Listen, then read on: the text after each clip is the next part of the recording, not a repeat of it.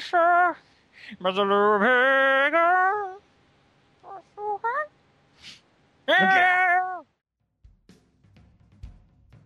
Witamy Was w 30 odcinku DualShock Podcast. Dzisiaj jubileuszowy 30 odcinek i wyjątkowo nie ma w nim Bizona. Cudownie! Właśnie to prezent nasz zapytano. Czego redakcja DualShock Podcast chce na 30 urodziny? Bez Bizona! Jest! Proszę bardzo! Zdaliśmy sobie w ostatniej chwili sprawę z tego, że to jest wyjątkowy odcinek, bo to było takie wow, który to już? 30. O w mordę! O, powiało grozą. Dobrze, że jest bi... Nie ma Bizona. Nie ma Bizona. Można powiedzieć, że te tematy w, w każdych innych warunkach trafiłyby do The Pit. Do the pit. Ale nie, nie jest aż tak źle naprawdę, więc mamy nadzieję, że, że będzie Wam się podobało. Witam się z Wami, Blady. Odin, Zaczynamy! DualShock Podcast o 30 odcinków, najwyższa jakość DualShock Podcastingu w Polsce. Stale się rozwija. przygotowanie tego odcinka zacznie się od tego, że Odin nie wie, co teraz powiem, ale chcę powiedzieć o naszym wielkim projekcie, bo e, jest tak. idea, jest myśl, która już się pojawiła w czasie nagrywania naszego podcastu z Black Ops, która niestety została wycięta z oficjalnego e, cut i trafiła do The Pit, ale uznaliśmy to na tyle ważne, że ubraliśmy się w swoje e, stroje przeciwpowodziowe, udaliśmy się do The Pit i odzyskujemy teraz temat i przedstawiamy go w ten sposób. Niebawem, drodzy słuchacze, pojawi się nasz tryptyk, nasze arcydzieło. Będzie to trójczęściowy podcast ekstrawaganza. To jest miejsce na oklaski, ale nie członkiem. Yy, W tym podcaście poruszymy trzy tematy: gry, życie i tuńczyk. Każdy z nas yy, przyjmie inną rolę w tym podcaście właśnie. Ja będę rozmawiał o grach, Odin będzie o życiu. Co zostało Bizonowi, wiecie sami. Także będzie to niezwykły, głęboki sposób spojrzenia na to, co nas otacza, jak się rozwijaliśmy, na to, jaki wpływ gry miały na nasze życie i dokąd te gry zmierzają, więc trzymajcie kciuki, żeby nam się udało zebrać pełny skład, no bo jak mówiłem, część o Tuńczyku jest integralna do powodzenia podcastu, to też czekamy na Bizona powrót i mamy nadzieję, że już teraz czujecie to niezwykłe mrowienie w udach, bowiem tak, to jest zbliżający się podcast gry, życie, Tuńczyk. Stay tuned. Także po tym super profesjonalnym wprowadzeniu czas, żeby Odin coś powiedział. A Odin ma temat pod tytułem Deus Ex 3, czyli najnowszy trailer, który ukazał się w internecie. Teraz ludzie już pisali na przykład, że gra całkowicie teraz inaczej wygląda, że się do niej bardziej przekonują, że jest znacznie bardziej integralna, że jest. A, ukradłem ci słowo przed chwilą, że jest znacznie bardziej ciekawa, interesująca i że w ogóle przyjęła inny kierunek, ale jednocześnie kierunek, który mi się podoba. I teraz Blady, co ty o tym myślisz? Hmm, ja nie umiem zebrać myśli, bo jak wiesz, yy, kiedy słuchałem waszego podcastu o, Dua, o, o DualShock, o Deus Exie, nie wiedząc, o nim, nie wiedząc o nim nic, pomyślałem, wow, ten Bizon to tak o tym dobrze mówi, ale że Odin o tym dobrze mówi, no niemożliwe, muszę to zobaczyć. Zobaczyłem tam stare trailery i pomyślałem, okej, no, bez szaleństw, naprawdę, nie, nie wiem co w tym widział Bizon i później Odin po dłuższej e, chwili zastanowienia stwierdził, że on też nie wie czemu się dał tak ponieść Bizonowi w tych jego eskapadach w rejony bycia wielkim op- optymistą. Niemniej, wyszedł teraz nowy trailer i jestem trochę pozytywniej nastawiony. Co widzimy na trailerze? Widzimy w użyciu menu, widzimy wybieranie, łączenie przedmiotów, widzimy działanie prześwitywania przez ściany, jak to widzimy przeciwników.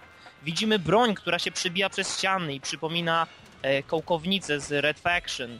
Może ktoś jeszcze pamięta tę grę. W trailerze widzimy chodzenie po tych e, air ductach, czyli wentylacyjnych dziurach ściennych, tak to się chyba tłumaczy.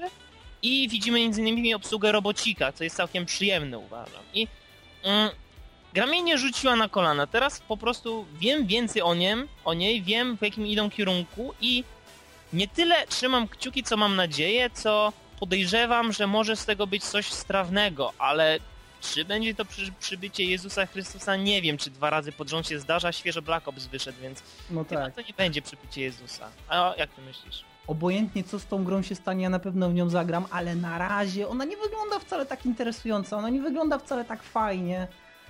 Znaczy, ja myślę tak, patenty, które tam widzisz, to jest nic niezwykłego. Tak, tak, ale, dokładnie. ale, ale spójrz na to z tej strony, która inna gra teraz ci to daje. sporo gier mi to daje, może Faktycznie! nie w takiej, może nie w takiej intensyfikacji.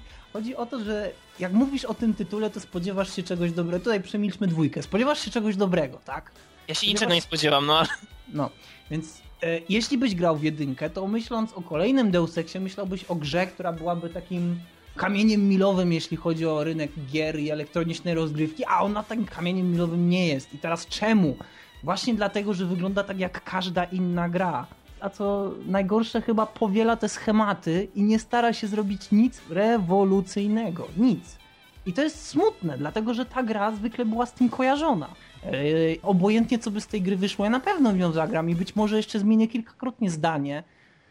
Yy, I mam nadzieję, że to rzeczywiście będzie ten Deus Ex, ale na ten moment ta gra wygląda jak taka typowa, zwykła gra, która po prostu branduje się tym tytułem Deus Ex. I to jest właściwie wszystko. No i to jest trochę takie przygnębiające. No. Mieliśmy już okazję rozmawiać o tym, jak wygląda Deus Ex poza podcastem między sobą. E, I zresztą nawet przy udziale Bizona, dziwne, bo był. Ogólnie rzecz biorąc, dwójka już implementowała to w taki powiedzmy sposób po macoszemu. Zróbmy grę, która jest bezpłciowa. Trójka stara się wyjść z tego założenia, że można jeszcze tą serię naprawić i odświeżyć ją całkowicie i zmienić całkowicie klimat i, i podejście do rozwoju fabuły. I czy im się to uda? To jest to najbardziej interesujące pytanie, dlatego że na ten moment ja boję się, że im się to nie uda, chociaż bardzo, bardzo chcę, żeby się udało. Ale jeżeli z tego wyjdzie Splinter Cell, w którym sam Fisher ma nóż w łokciu, też nie będzie aż tak źle. Oczywiście, nie, wtedy będzie bardzo dobrze, przecież co jak co, ale Splinter Cell, y, no można powiedzieć, że on mimo wszystko, że w ostatniej odsłonie się bardzo uprościł, to stara się rozwijać. Czwarta część była naprawdę bardzo dobra. O, czwarta część. Właśnie, więc... Więc, Więc nie rozmawiajmy o Deus Exie, ale powspominajmy szybko czwartą część, bo myślę, że o, czwarta część. to co powiedziałeś to już jest powiedziane i teraz czwórka dla mnie e, ostatnimi czasy najpiękniejszą wizję jaką usłyszałem była wizja Bizona. Teraz skup się. Yes. Nie wiem czy wiesz, ale uważam grę Double Agent na PlayStation 2, czyli tą edycję robioną nie w tą, którą ty grałeś na PC i co grali ludzie na Xbox 360, tylko w tej starej wersji. Tak. Stara wersja, ja uważam, za jedną z najlepszych gier komputerowych, która kiedykolwiek powstała. Jestem, staję za tym e, argumentem i będę go bronił po prostu jak matka trzymająca dziecko nad przepaścią za e, kawałek pięty, licząca na to, że się nie wysmyknie i nie spadnie na skały, roztrzaskach się, gdzie sępy Czyli, będą że jest się bliska zjeść. wysmyknięcia. Tak! I teraz ów gra jest tak wspaniała i Bizon mówi tak. Ty, skoro Ubi robi reedycję HD Prince of Persia, Persia, blady Persia. Persia, przepraszam, robi reedycję Prince of Persia, Ubisoft chce robić inne reedycje, to gdyby oni zrobili tego starego Double Agenta w wersji HD na konsolę nowej generacji, przysięgam, to byłby dzień, w którym u mnie skończyłby się zapas materiału genetycznego. Tak, to byłby koniec. To już po prostu bym później tylko strzepa- ślepakami strzelał, naprawdę. Gdyby ta gra wyszła w HD, Jesus, to byłaby petarda. Naprawdę. Jeżeli ktoś nie wie o czym mówię, okradnijcie kogoś, zdobądźcie Double Agent na PS2, GameCube'a, pfu, y, na Wii, no jedno i to samo. Wersja na Wii, PlayStation 2 i starego Xboxa. To jest jedna z najlepszych gier, w którą kiedykolwiek zagracie, później mi podziękujecie. Znaczy ona się, ona się różni zasadniczo i najbardziej od tych wszystkich pozostałych części faktem, że tam fabuła jest ujęta znacznie płynniej. I ja zastanawiam się, na jaką cholerę oni aż tyle wycięli z wersji PC-towej. Czemu oni to zrobili? Nie, nie, nie rozumiem tego. Ale ty to widzisz, jak ten, to nawiązanie te do, do Eriki, jak cały poznajesz tych członków tej agencji terrorystycznej, tego nie ma w tej nowszej Ale tam wersji. w ogóle jak on, jak on emocjonalnie... Ale ogóle- słuchaj, w grze masz, nawiązujesz przyjaźń z tym jednym y, kolesiem, nie znaczy tym z więzieniu. To w wersji na Xboxa to jest na zasadzie pomogłem ci, dzięki, wprowadzę się do agencji, koniec. Tak. A w wersji na, y, na PlayStation 2 musisz podejmować parę naprawdę takich decyzji, na przykład masz miejsce, w którym mm, jakiś zły, y, tępy bandzior tego, y, zaczepił tego, agent, tego terrorystę, którego zaufanie ty masz zdobyć i ogólnie jest tak, jeżeli ty skręcisz kark temu y, bandziorowi, no to wtedy masz pełne zaufanie y, ze strony mm, tego terrorysty, nie? Jest fajnie. Ja tak zrobiłem i później się zaczęła następna misja, zdobyliśmy pistolet, y, on mówi, masz sam, ja ci ufam, bierz ten pistolet i nas przeprowadź. I ja się skradałem, ogłuszałem wszystkich strażników, uciekliśmy z więzienia. Ale co jeżeli ty jesteś panem dobra rada i masz możliwość, wiesz, wybrania opcji Paragon podczas tego pojedynku z tym y, tłustym rabusiem i możesz po prostu go pobić, zostawić nieprzytomnego i wtedy ten terrorysta mówi, no dzięki sam, że mi pomogłeś, ale nie masz ja i mogłeś go zabić. I później, kiedy przyszła ta następna misja, to ten pistolet się znalazł w rękach tego, tego terrorysty i on mi go nie oddał. Mówi, sam trzymaj się za mną i on później biegł i zabijał wszystkich niewinnych strażników na swojej drodze i ty miałeś ich krew na rękach. O, Wyobrażasz sobie, jaki to jest umf, jak ja to później obejrzałem w internecie, bo yy, nie, sam sprawdziłem później, bo wiele opcji w grze jest tak ciekawych, że zmienia zupełnie nie tylko pokazówkę bezpośrednio po tym, jak podjąłeś ten wybór, ale i na przykład początek następnej misji. Na przykład to, jak y, Williams, który nadzoruje tą operację, skomentuje. I na przykład, jeżeli ja y, właśnie zabiłem tego, terror, tego rabusia, to mimo, że zdobyłem przyjaźń tego terrorysty, to się obraził na mnie Williams i nie przydzielił mi jakiegoś tam sprzętu na misję. Bo uznał, że muszę sobie radzić sam, skoro tak bardzo y, chcę być w tej agencji terrorystycznej. I nie dostałem większości tych jakichś tam kamer, gadżetów i tak dalej. no to jest interesujące. Szkoda, że tylko i wyłącznie odnosi się do sprzętu, ale to mimo wszystko jest gra. Masz rację, bardzo by było fajnie, gdyby, gdyby rzeczywiście ta reedycja się ukazała, chociaż ja w to szczerze powiedziawszy nie wierzę. Nie wiem jak ty, ale ja myślę, że ta część, ona się już raczej, a przynajmniej w najbliższej przyszłości pojawiać e, nie będzie, dlatego że no, historia idzie dalej. Ale ja się dziwię właśnie, że ta gra przeszła tak pod radarem, że gra z Ubisoft Shanghai to jest ta duża, a ta, to, ta perła, ten geniusz, który zrobił Ubisoft Montreal, przeszło tak cichutko jako a tam wersja na PlayStation 2. No. Po prostu to jest dla mnie nie, nie do zrozumienia, tym bardziej, że wersja na Xboxa, na X1 wygląda ładniej niż większość gier, które w tym czasie wyszło na Xboxa 360. O. Jest naprawdę niesamowicie potężny, więc gdyby oni wzięli tą wersję graficzną z Xboxa, z Xboxa 1 Taka moja bardzo długa dygresja. Ale podcast jest dzisiaj dziwny, więc myślę, Tak, że. no, będzie- jest jubileuszowy, więc możemy sobie na to pozwolić, prawda? Tak, jako prezent dla Bladego. Blady mógł znowu mówić o Splinter Cellu. Tak. Okej. Witcher 2. Blady. Blady chce bardzo powiedzieć o Witcherze 2 z prostego powodu, że Blady oglądał na Game Trailers e, wywiad z twórcami tej gry, czyli CD Projekt Red, dzielną grupą polskich programistów, którzy jakimś cudem jeszcze nie zostali wszyscy zwolnieni mimo wielkich zmian kadrowych w CD Projekt, e, odchodzą tam największe głowy tego studia. Niemniej ekipa dalej siedzi dłubie nad e, dość ambitnie zapowiadającą się grą i tak, tryb skradania wygląda jak w Batmanie. Tak, wszystko wygląda plastikowo, sztucznie, trochę jak na silniku Unreal, mimo że to silnik Unreal nie jest. Ale wiecie co? Czy to źle, że Polacy robią grę, która jest dokładnie na poziomie najlepszych zachodnich wzorców? Czy to jest źle, że biorą na warsztat najlepszą skradankę, jaka wyszła ostatnimi laty, czyli Batmana i przenoszą ją do reali Witchera? Czy to jest źle? Ja myślę, że nie. I kiedy widzę ten wywiad, właśnie kiedy oni przedstawiają tą swoją wizję, kiedy oni opowiadają, jak chcą połączyć to RPG z akcją, jak oni chcą y, zwiększyć imersję gracza do stopnia, w którym te wybory będą tak samo jak w jedynce, głębokie, ciężkie, brudne. Nie będzie Paragon Renegade, tylko one będą naprawdę trudne, odnoszące się z y, konsekwencjami idących wa- o wiele, wiele dalej w fabułę do A gry. przepraszam, że ci przerwę. W jedynce już to było o tyle fajne, że rzeczywiście te decyzje, które podejmowałeś, w ogóle nie miały bezpośredniego połączenia z efektami, jakie później musiałeś doświadczać. To było bardzo fajne w jedynce. Niemniej, mamy te świetne podwaliny, czy mamy ten pomysł, bo wszyscy wiemy, pierwszy Witcher gameplayowo nie był wspaniały. No nie był. Nie był, naprawdę nie, Nie. był. Y, Jeżeli chodzi o y, wierność książkom, no to Nie też nie był. Dochodzą mnie słuchy e, ze studia, że o ile gra jest promowana niby jako kontynuacja zaakceptowana przez Sapkowskiego, o tyle po prostu powiela najbardziej, że tak powiem, mm, jazzy tematykę z jego książek, wybraną bez kontekstu, bez składu, poprowadzoną bez jakby większej wspólności fabularnej. Ale mimo wszystko Witcher miał klimat. Naprawdę, jak mało inna gra w tamtych y, latach, bo ona wyszła w czasach właśnie Gearsów, ona wyszła w czasach Halo. I oto wychodzi Witcher, mała, y, mała na zachodzie gra, ogromna dla Polski. I ludzie się zdziwili, ludzie naprawdę zdali sobie w pewnym momencie sprawę, że to jest RPG, tak jak kiedyś, jak Neverwinter się pojawiają słowa. I ludzie przypominają sobie, jakie to kiedyś RPG nie były, a jakie były, o tym w naszym Życie Gry Tuńczyk podcast. Ale Witcher wychodzi. Wychodzi na całkiem zgrabnym silniku, który najfajniejsze jest w tym aspekcie, że jest naprawdę szybki. Jak oni pokazywali y, przeliczanie światła, y, bitmap i tak dalej. To jest mało fascynujące, żeby to opowiadać w podcaście o tym, ale wyobraźcie sobie, jak to działa świetnie. I pewnie tak właśnie będzie, jak sobie wyobrażacie. Polacy potrafią robić gry, naprawdę. I Witcher się zapowiada jako dobra gra. I ktoś powie, o, teraz to będzie gra akcji. I proszę bardzo, uważam, że jeżeli Witchera 2 spotka to, co spotkało Mass Effecta, ha, czyżbym znowu nawiązywał? Tak.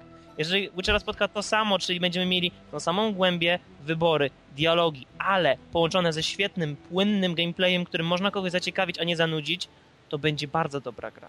Naprawdę. Niech będzie.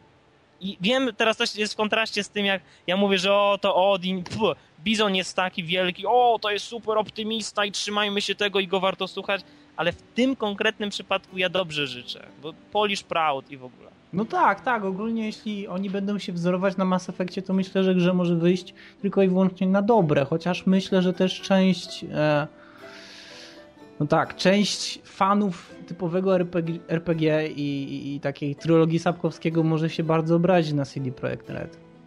Ale to samo spotkało BioWare, kiedy zrobili Mass Effecta 2, że ci die hard fani RPG, którzy chcą pić wodę, chodząc pomiędzy lokacjami i którzy liczą XP i nabijają na pustkowiach, zbierając czaszki i totemy, to oni zniszczą twórców, wiem. Ale myślę, że jakby taki szerszy obraz, kiedy już ochłoną i powiedzą zabraliście mi wszystko, w co wierzyłem, ale to nie jest takie złe. To naprawdę zobaczą, że to ma szansę być dobre. Naprawdę może. Trzeba mieć sporo odwagi czasem, żeby zmienić gatunek. W tym przypadku to jest akurat mądra decyzja yy, w stronę pójść akcji, bo może zarobią pieniądze nawet na tym. Ale ja naprawdę chcę im dobrze życzyć, bo haters zawsze gana hate. Zawsze. Przyjemne jest to, że kiedy pojawił się pierwszy teaser, to nasza polska ekipa wybrała członków ekipy, którzy potrafią mówić po angielsku i którzy, mm, no, po angielsku mówili o grze. No, mówili. I z lepszym lub gorszym skutkiem. Ale Więc dało się ich zrozumieć na pewno. Nie, dało, dało, dało. Oczywiście. I mówili do, dość płynnie, nawet się nie zacinali, więc... No więc to brzmiało Ale tak. uważam, że podjęli dobrą decyzję robiąc ten drugi filmik, wywiad, kiedy mówili w naszym pięknym, niezwykle skomplikowanym, obfitym w ciekawe przymiotniki, co jest mi dość znaną tematyką słowa, języku i jest przyjemnie posłuchać na takie rzeczy jak Game Trailers, wywiadu z polskimi twórcami gry AAA, która będzie wydana na platformie Good Games i będzie miał tam super po prostu recenzje. Ja już widzę te recenzje. I pod tym wszystkim widnieją napisy angielskie, żeby cały świat mógł delektować się geniuszem polskich programistów i podzielać ich wizję. No, oprócz ogromnej grupy ludzi, którzy piszą komentarze w stylu stop, stop using this fucking Slavic languages, you asshole. This is America, you idiots. Uh, uh, what the fuck is that? Russian? Znak zapytania. Uh, po prostu to jest piękne, jak oni, jak bardzo ignorancy mogą być. Właśnie podobało mi się w pewnym momencie, jak Hiszpanie ruszyli na, na odsiecz i Meksykanie raczej. Bo w pewnym momencie właśnie powiedział This is America, I never wanna hear this fucking language ever again. I rozpoczęło się po prostu bombardowanie tych message boardów wypowiedziami e, po hiszpańsku, więc spodziewam się, że zrozumiałem z kontekstu, że oni mówią, że angielski nie jest jedynym językiem na świecie. No. E, niemniej chcę ci tylko powiedzieć, że ostatnio na WP przeczytałem mm, opowieść jednego polskiego dziennikarza, który mieszka na stałe, na stałe w Irlandii i jeden Irlandczyk ze stuprocentowanym przekonaniem i powagą na twarzy yy, odpowiedział, że Polacy to tak naprawdę jest naród wędrowny, bo Polska już nie istnieje na mapie od czasu rozbiorów i dlatego jest ich tylu w Irlandii, bo oni szukają swojego miejsca na ziemi. O matko. Okej! Okay. E, Bulletstorm, zwany także Shitstorm, wielka polska gra ze studia People Can Fly, wychodzi kiedyś. E, People Can Fly to grupa sprytnych polskich programistów, która stworzyła jedną grę. Ale zrobiła ją tak świetną, że od razu ją zobaczono. Zrobili Painkiller, wyprawę do piekła, kiedy y, FPS już zaczynały być bardzo nudne, monotematyczne, nastawione na Rainbow i w ogóle SWAT Tactical Chuck Norris, tak Painkiller dawał mnóstwo krwi i wybuchów i rozczłonkowywania mnichów, przybijania ich kołkami do ścian. I to wystarczyło, żeby Epic wykupiło People Can Fly, czyli wziął ich pod swoje skrzydła, jak to nazwano. I o People Can Fly świat zapomniał na parę długich lat, kiedy to coś tam grzebali w Epic, którzy zrobili świetną konwersję Gears of War na y, PC-ty i People Can Fly coś tam mówiło o jakichś swoich projektach, że jakaś gra, gdzie będzie dużo broni, gdzie będzie szybka akcja i w końcu wiemy o co chodzi. Gra, którą tworzą nazywa się Bulletstorm i wygląda po prostu jak e, wszystko, co Cliff Bleszyński chciałby zrobić w grze, ale nie miał odwagi do tej pory. Czyli ogromna masakra. Po prostu definicja słowa explosion, tits and gore.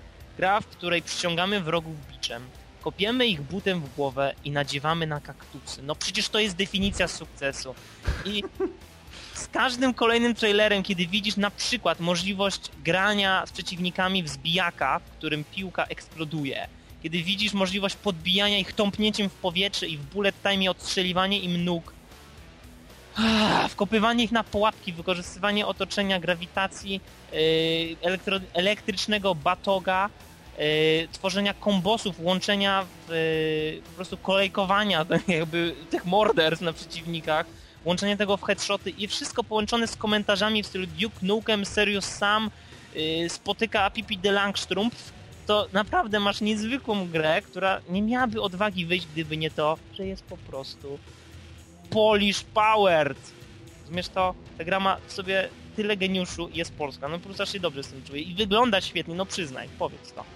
Jeśli ta gra będzie tylko i wyłącznie takim zwyczajnym, prostym shooterem, okej, okay, może nim być, ale mimo wszystko ma taki ogromny potencjał i, i ale to będzie finesse shooter, zobaczysz, to będzie można podejść, jak ty mówisz, do zwykłego shootera, ale ty obiecuję ci, że będziesz mógł wyciągnąć z niego znacznie więcej, po prostu robiąc coś, czego dawno nie robiłeś w grach, powtarzając levele, wyuczając się patternów, robić z tego arkedową, czystą, faniastą przyjemność.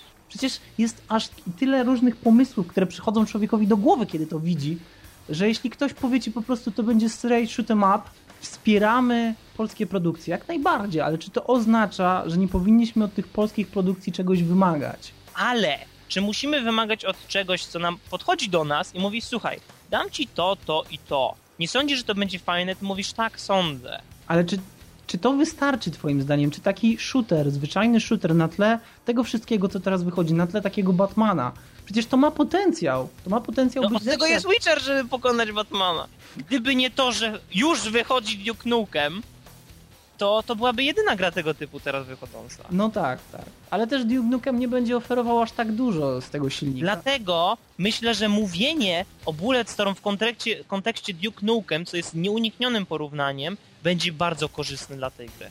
Jestem ciekawy, naprawdę. Bulletstorm wygląda bardzo ładnie, ma potencjał, ma możliwości być grą, która będzie znacznie większą grą niż jest teraz. E, no i liczę na to, że rzeczywiście tak będzie. Ja bym tylko chciał, żeby ponownie głównemu bohaterowi użyczył głosu Cam Clark, czyli głos Liquida z e, Metal Gear, bo Cam Clark podłożył głos e, za głównego bohatera Painkillera te parę lat temu. No, więc taką emocjonującą informacją kończymy ten wątek. Jesus.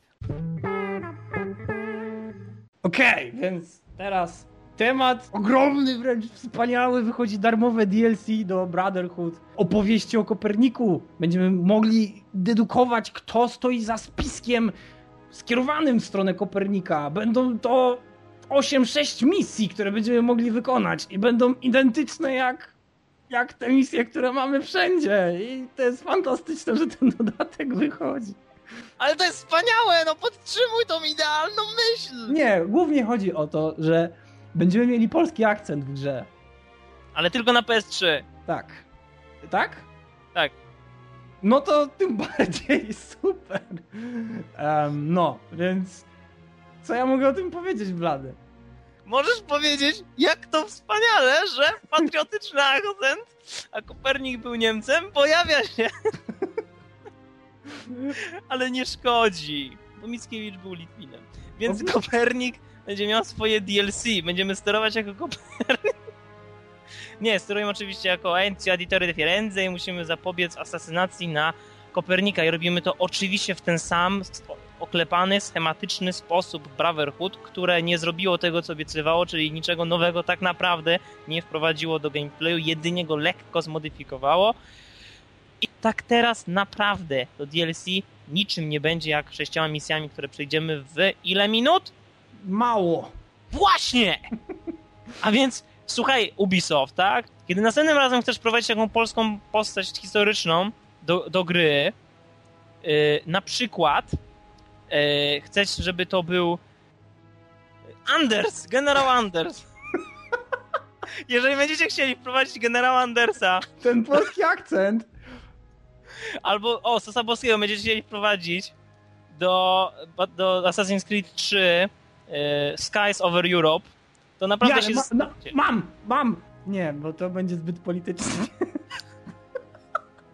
Ale to dzisiaj, zatem zagadka. Ilu trzeba Polaków, żeby ściąć drzewo? Nie wiem. 96 i samolot.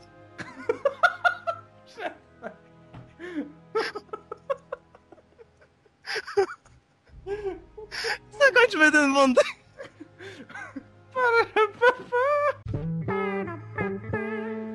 Dobra, więc teraz temat, który można prawie że przyrównać z tematem głównym tego podcastu, czyli Kinect się bez, bez tego środkowego słowa.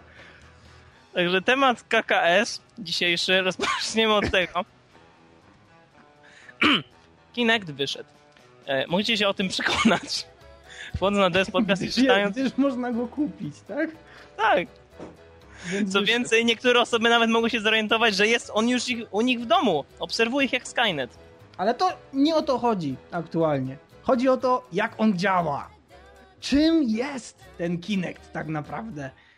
Fighters Uncaged to jest gra wydana przez Ubisoft pod bardzo silnym supportem Microsoftu. I teraz, jeśli Microsoft nie jest w stanie napisać gry na swoją własną platformę, a Ubisoft jeszcze jakoś jej naprawić, to naprawdę możemy się zacząć martwić. Ja zdaję sobie sprawę, że Kinect jest e, no, urządzeniem, które budzi wielkie nadzieje. I te nadzieje, tak jak u Bladego, u mnie też są obecne, ale nie możemy wyobrażać sobie, że e, ta technologia nagle zacznie się rozwijać w przeciągu paru tygodni i, i będzie dobra, albo tak jak ktoś napisał, że musimy dać rok. To nie tak działa. E, ta pierwsza gra, ten beat'em up, który wyszedł, który miał utylizować tą technologię doskonale, świetnie. Czyli mapować całe ciało, tak? i to nie działa. To w ogóle nie działa i według recenzenta to jest frustrujące, wkurzające. Człowiek po jakimś czasie traci ochotę na granie. Kinect jest mało responsywny i tak na dobrą sprawę nie wyłapuje tych ruchów, więc my machamy przed tym Kinectem, tymi rękoma i nogami i nic się nie dzieje. Kiedy DualShock pojawiał się na rynku, to on działał od samego początku i ludzie byli zaszokowani faktem. Bynajmniej nie DualShock Podcast, bo ten nie działa ciągle. działa, tylko jest bez bizona. E, I był precyzyjny i jednocześnie niektóre gry naprawdę świetnie to implementowały, jak na przykład bicie serca albo informowanie gracza o tym, że jest bliski śmierci. Nieważne, tak czy inaczej działał. I dla wszystkich ludzi, którzy mieli jeszcze nadzieję, e, które jakoś wiązały się z tym produktem, możemy na ten moment powiedzieć, że na razie nie ma gry, która działałaby z Kinectem dobrze. Jest blisko Dance Central. Jest blisko. Jest blisko, powiadasz. Jest blisko, powiadam. E, zbiera dobre oceny, ale e, ja chcę tylko powiedzieć, zanim jeszcze teraz zabrniesz dalej, zanim wpędzisz się w ten ślepy zaułek, z którego nie ma wyjścia i zginiesz śmiercią bolesną i wielce odwleczoną w czasie, że nie wiem do czego zmierzam. Zrobiłem bardzo długi wstęp do tematu. Nie wiem jak brzmi. Nie, nie, no. Zaraz coś wymyślę, czekaj. Kinect miał obsługiwać nawet chyba 8 osób naraz grających w to. Teraz te 8 osób to se może tam w tle 6 skakać, bo Kinect będzie liczył tylko te dwie osoby z przodu i to też średnio. Mhm. Więc e, wiedzcie moi drodzy, to naprawdę nie działa. I teraz e, pod moim artykułem, podkreślam moim, znalazło się sporo komentarzy, naprawdę wiele ich. Oczywiście dziękuję za każdy z nich, nawet te, e, które mają takie treści jak wibrator. E, w tych komentarzach daliście znać, niektórzy z was, że nie powinniśmy oceniać Kinecta, że jest za wcześnie, żeby go oceniać. Dajcie mu rok. Ale przepraszam, czy to jest naprawdę rzetelna e, żurnalizm, tak, w którym bierzemy produkt już dostępny na półkach za niemałe pieniądze i mówimy mu, nie, spokojnie, dziubeczku, ty sobie jeszcze polesz rok na mojej półce, ty się kurz, jak tylko zaczną się pojawiać dobre gry, to ja ci je na pewno kupię. Nie, mój dzióbku, tak nie będzie. Ta, ta technologia została już wprowadzona na rynek i powinna chociaż jakikolwiek potencjał pokazywać. Nie pokazuje, naprawdę. Ja do dziś potrzebuję czegoś, co odróżni mi to od iToya, oprócz tego, że można grać po ciemku. Bo naprawdę to się sprowadza do tego, że no, mamy obsługę tych dwóch graczy i nie mamy gier, żeby nawet się o tym przekonać. Więc Mhm. czemu ja mam teraz kupić to? Po co? Niech se leży na tych półkach i jestem ostatnim, który powie, że Kinect nigdy nie będzie dobry. Bo jest naprawdę możliwe wycisnąć ze sprzętu więcej. Yy, Z każdej technologii. Znajdą się jacyś, którzy podejdą do problemu w taki sposób, jaki się projektantom nie zaśniło, przyśniło, a nie odśniło i oni to zrobią w zupełnie inny sposób, będzie rewolucyjny, wspaniały i będziemy dziękować im za to. Dobrze, ja mam nadzieję, że taki dzień przyjdzie, ale na dzień dzisiejszy Kinect nie ma szansy w ogóle się pokazać. Żadnej gry. Żadna Tak. gra startowa nie jest dobra. I to I- jest po prostu, to jest, aż boli fakt, że ludzie dalej tego nie widzą.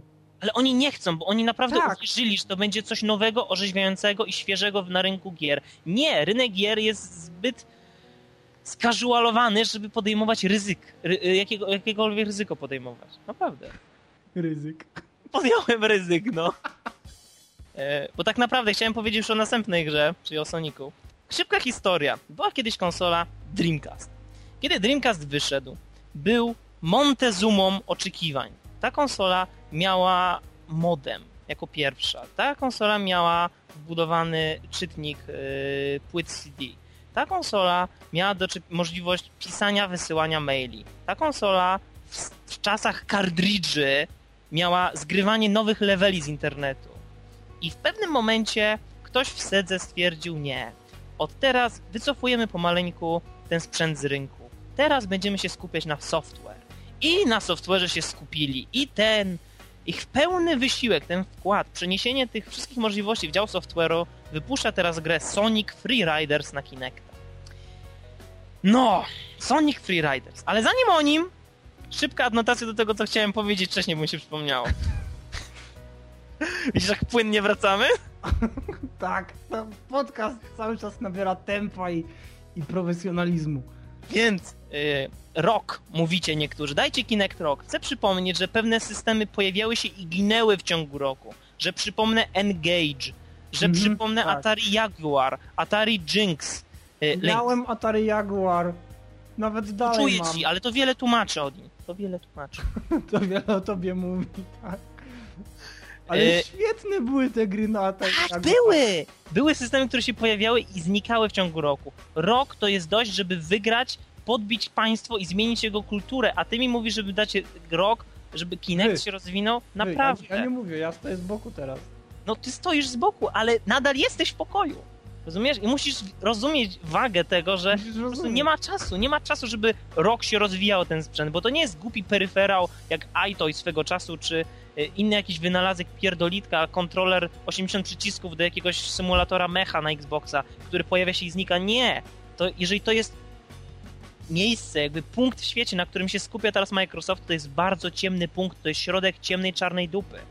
Naprawdę. Mhm. Oni się Ale naprawdę będą- muszą ale- spiąć, oni muszą naprawdę zewrzeć poślady, żeby ten czarny punkt się naprawdę przerodził w coś lepszego, bo na chwilę obecną to jest dziura bez dna, która ich zniszczy, jeżeli się nie ogarną. No tak, no nie mają innego wyjścia w tym momencie. Nie, nie mają innego wyjścia, nie mogą No. się wycofać z Kinecta. Co zrobiło Nintendo? Dodało ten Wii Motion Plus, prawda, które zwiększyło precyzję Wiimota. O, Oni znacznie. naprawdę- Miałem jak w ręku, spojrzysz naprawdę. na- Spojrzysz teraz na Golden Eye grę, jak spojrzysz na konwersję Black Ops, to naprawdę one wysoki poziom prezentują. Nadal są kijowe, no bo to, to jest tylko GameCube, ale naprawdę już to są gry wyższych lotów i ile to trzeba było? 3-4 lat, żeby Wii zaczęło wyglądać sensownie? Czemu Microsoft robi te same błędy i jeszcze ma mniejsze możliwości rozwoju? Bo co ty zrobisz? Jeden, już teraz co prawda analitycy mówią, że pojawi się jakaś nakładka zwiększająca kąt widzenia Kinecta, bo on naprawdę ma problem z dwoma graczami. Nawet w ogromnych amerykańskich tłustych domach ma problem, żeby dwóch graczy. I teraz widzisz, w bardzo pewien sposób wracamy do Segi. I wracamy do gry Sonic Free Riders, która to yy, zbiera oceny jak 7, jak 8, a jak możecie zobaczyć wy, nieliczni fani Angry Joe Show, jest beznadziejna! Ta gra okazuje tragiczność po prostu. Everything in this game is broken. Everything in a game where you either lean forward or backward to turn, even the slightest lean forward doesn't even register, or it has your character fly across the screen and slam into a wall. To jest nie do pisania słowami, jak beznadziejna jest ta gra, jak tam jest zepsute wszystko. Tam nic nie działa, nie ma jednego komponentu tej gry, który działa. Naprawdę jest wybieranie głosowe w menu, które nie działa, które cię nie słucha. Masz wybieranie dotykowe, które cię nie czuje. Masz sterowanie postacią przez wychył, które ona nie rozumie. Masz granie we dwóch graczy, które wymaga, żebyś trzymał drugiego gracza za ręce. Tak. teraz Żaden problem dla mnie. przyjęcia. Żaden problem za mnie, bo ja ze swoją nową dziewczyną, ale nie Dubaju. wszyscy. Jak wyobraź sobie granie z kumplem coś takiego, a jeżeli on jest o wiele, wiele niższy od ciebie, to co?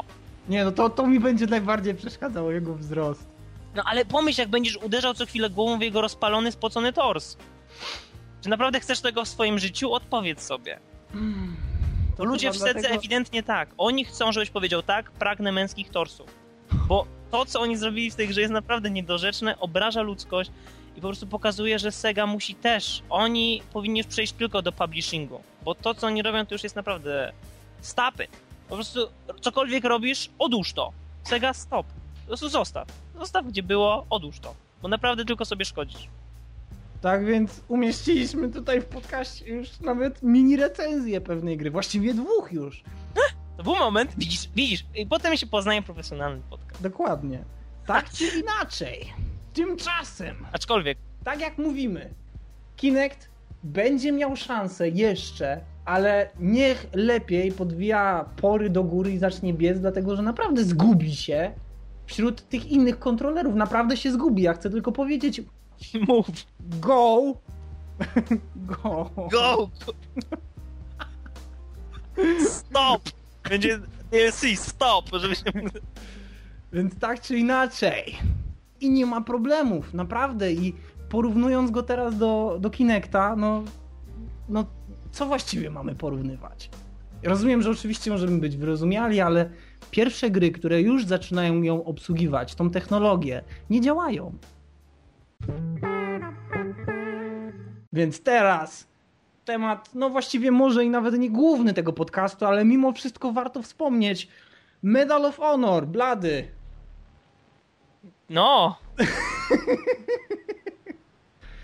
Tak jak obiecywaliśmy w poprzednich podcastach, e, porównanie e, obu silników. Jeśli chodzi o grafikę, Medal of Honor jest ładniejszy, Medal of Honor działa płynniej i Medal of Honor stara się zrobić znacznie więcej, jeśli chodzi o prezentację terenu, znacznie więcej, jeśli chodzi o w ogóle ogólną różnorodność w prezentacji. E, Mimo wszystko nie posiada takich fajnych, wypasionych cieni jak, e, jak Black Ops, ale można mu to wybaczyć. Graficznie ogólnie gra działa płynniej, e, jest przyjemniejsza w obsłudze i też tak jak mówił Bizon, on na swoim laptopie był w stanie grać w Medal of Honor na ustawieniach medium, kiedy gra mu się nie cięła, natomiast Black Ops działał bardzo źle na ustawieniach low, kiedy to Black Ops wyglądał naprawdę znacznie gorzej. I teraz jeśli chodzi, jeśli ktoś powie, ale przecież Black Ops jest grą znacznie bardziej skomplikowaną i o wiele więcej postaci znajduje się w tym samym momencie na ekranie. Otóż Bizon twierdzi, że Black Ops ciął praktycznie zawsze, obojętnie od tego, jak dużo przeciwników było na ekranie. to Natomiast- potwierdzają liczne wypowiedzi na zagranicznych forach, żeby to nie było, że to jest odosobniony Tak. przypadek. Natomiast Medal of Honor nie wiadomo jak to robi, ale jednak e, ta gra po prostu nie tnie i ta gra wygląda naprawdę dobrze. No można powiedzieć, że nie tak dobrze jak Crysis, Mhm. ale mimo wszystko, ale mimo wszystko wygląda całkiem ładnie.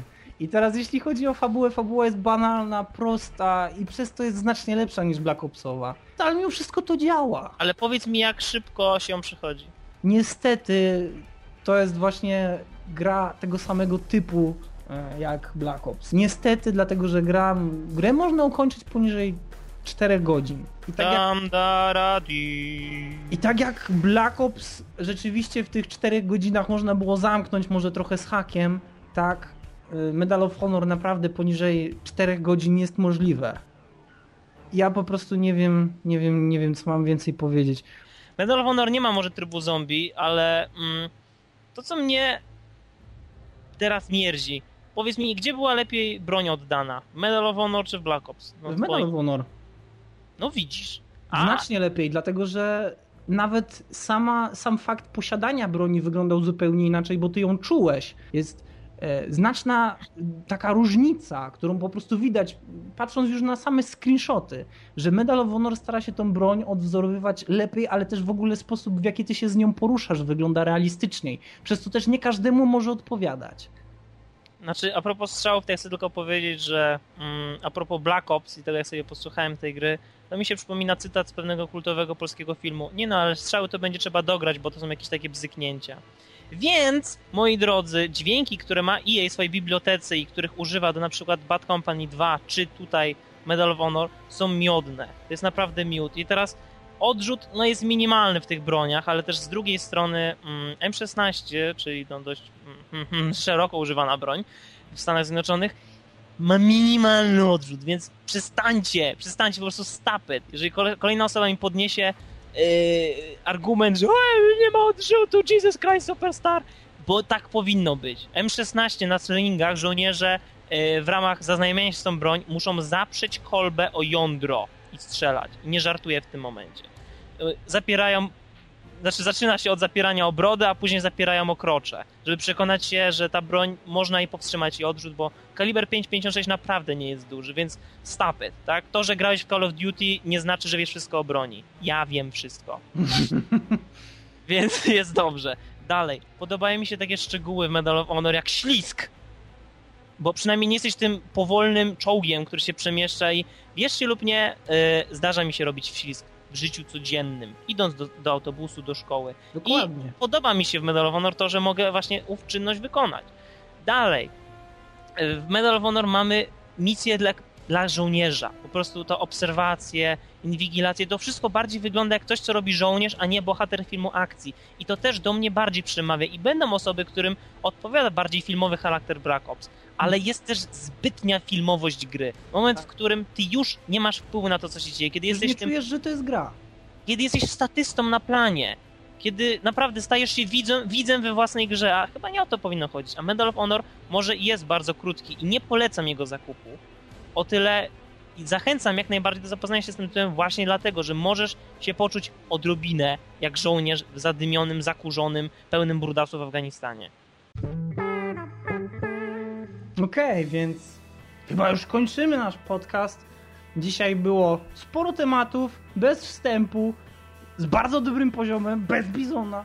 Chaotycznie, ale myślisz, że wysoki poziom się jakoś łączy z brakiem Bizona?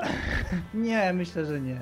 Nie, ja Myślę, też myślę, że nie. Myślę, że to po prostu jest nasz jubileuszowy odcinek i możemy sobie pozwolić na lekką nutkę dekadencji e, Mm. i dowolności w tym, jak mówimy, prawda? Tak, nieprawda? Zapraszamy do dalszego słuchania DualShock Podcast. Prosimy o komentarze. Jak zwykle zachęcamy do dyskusji, wymiany się e, hejtem, w ogóle trollizmem i w ogóle co tylko wam się żywnie podoba, bo to jest DualShock Podcast, miejsce dla was. thank you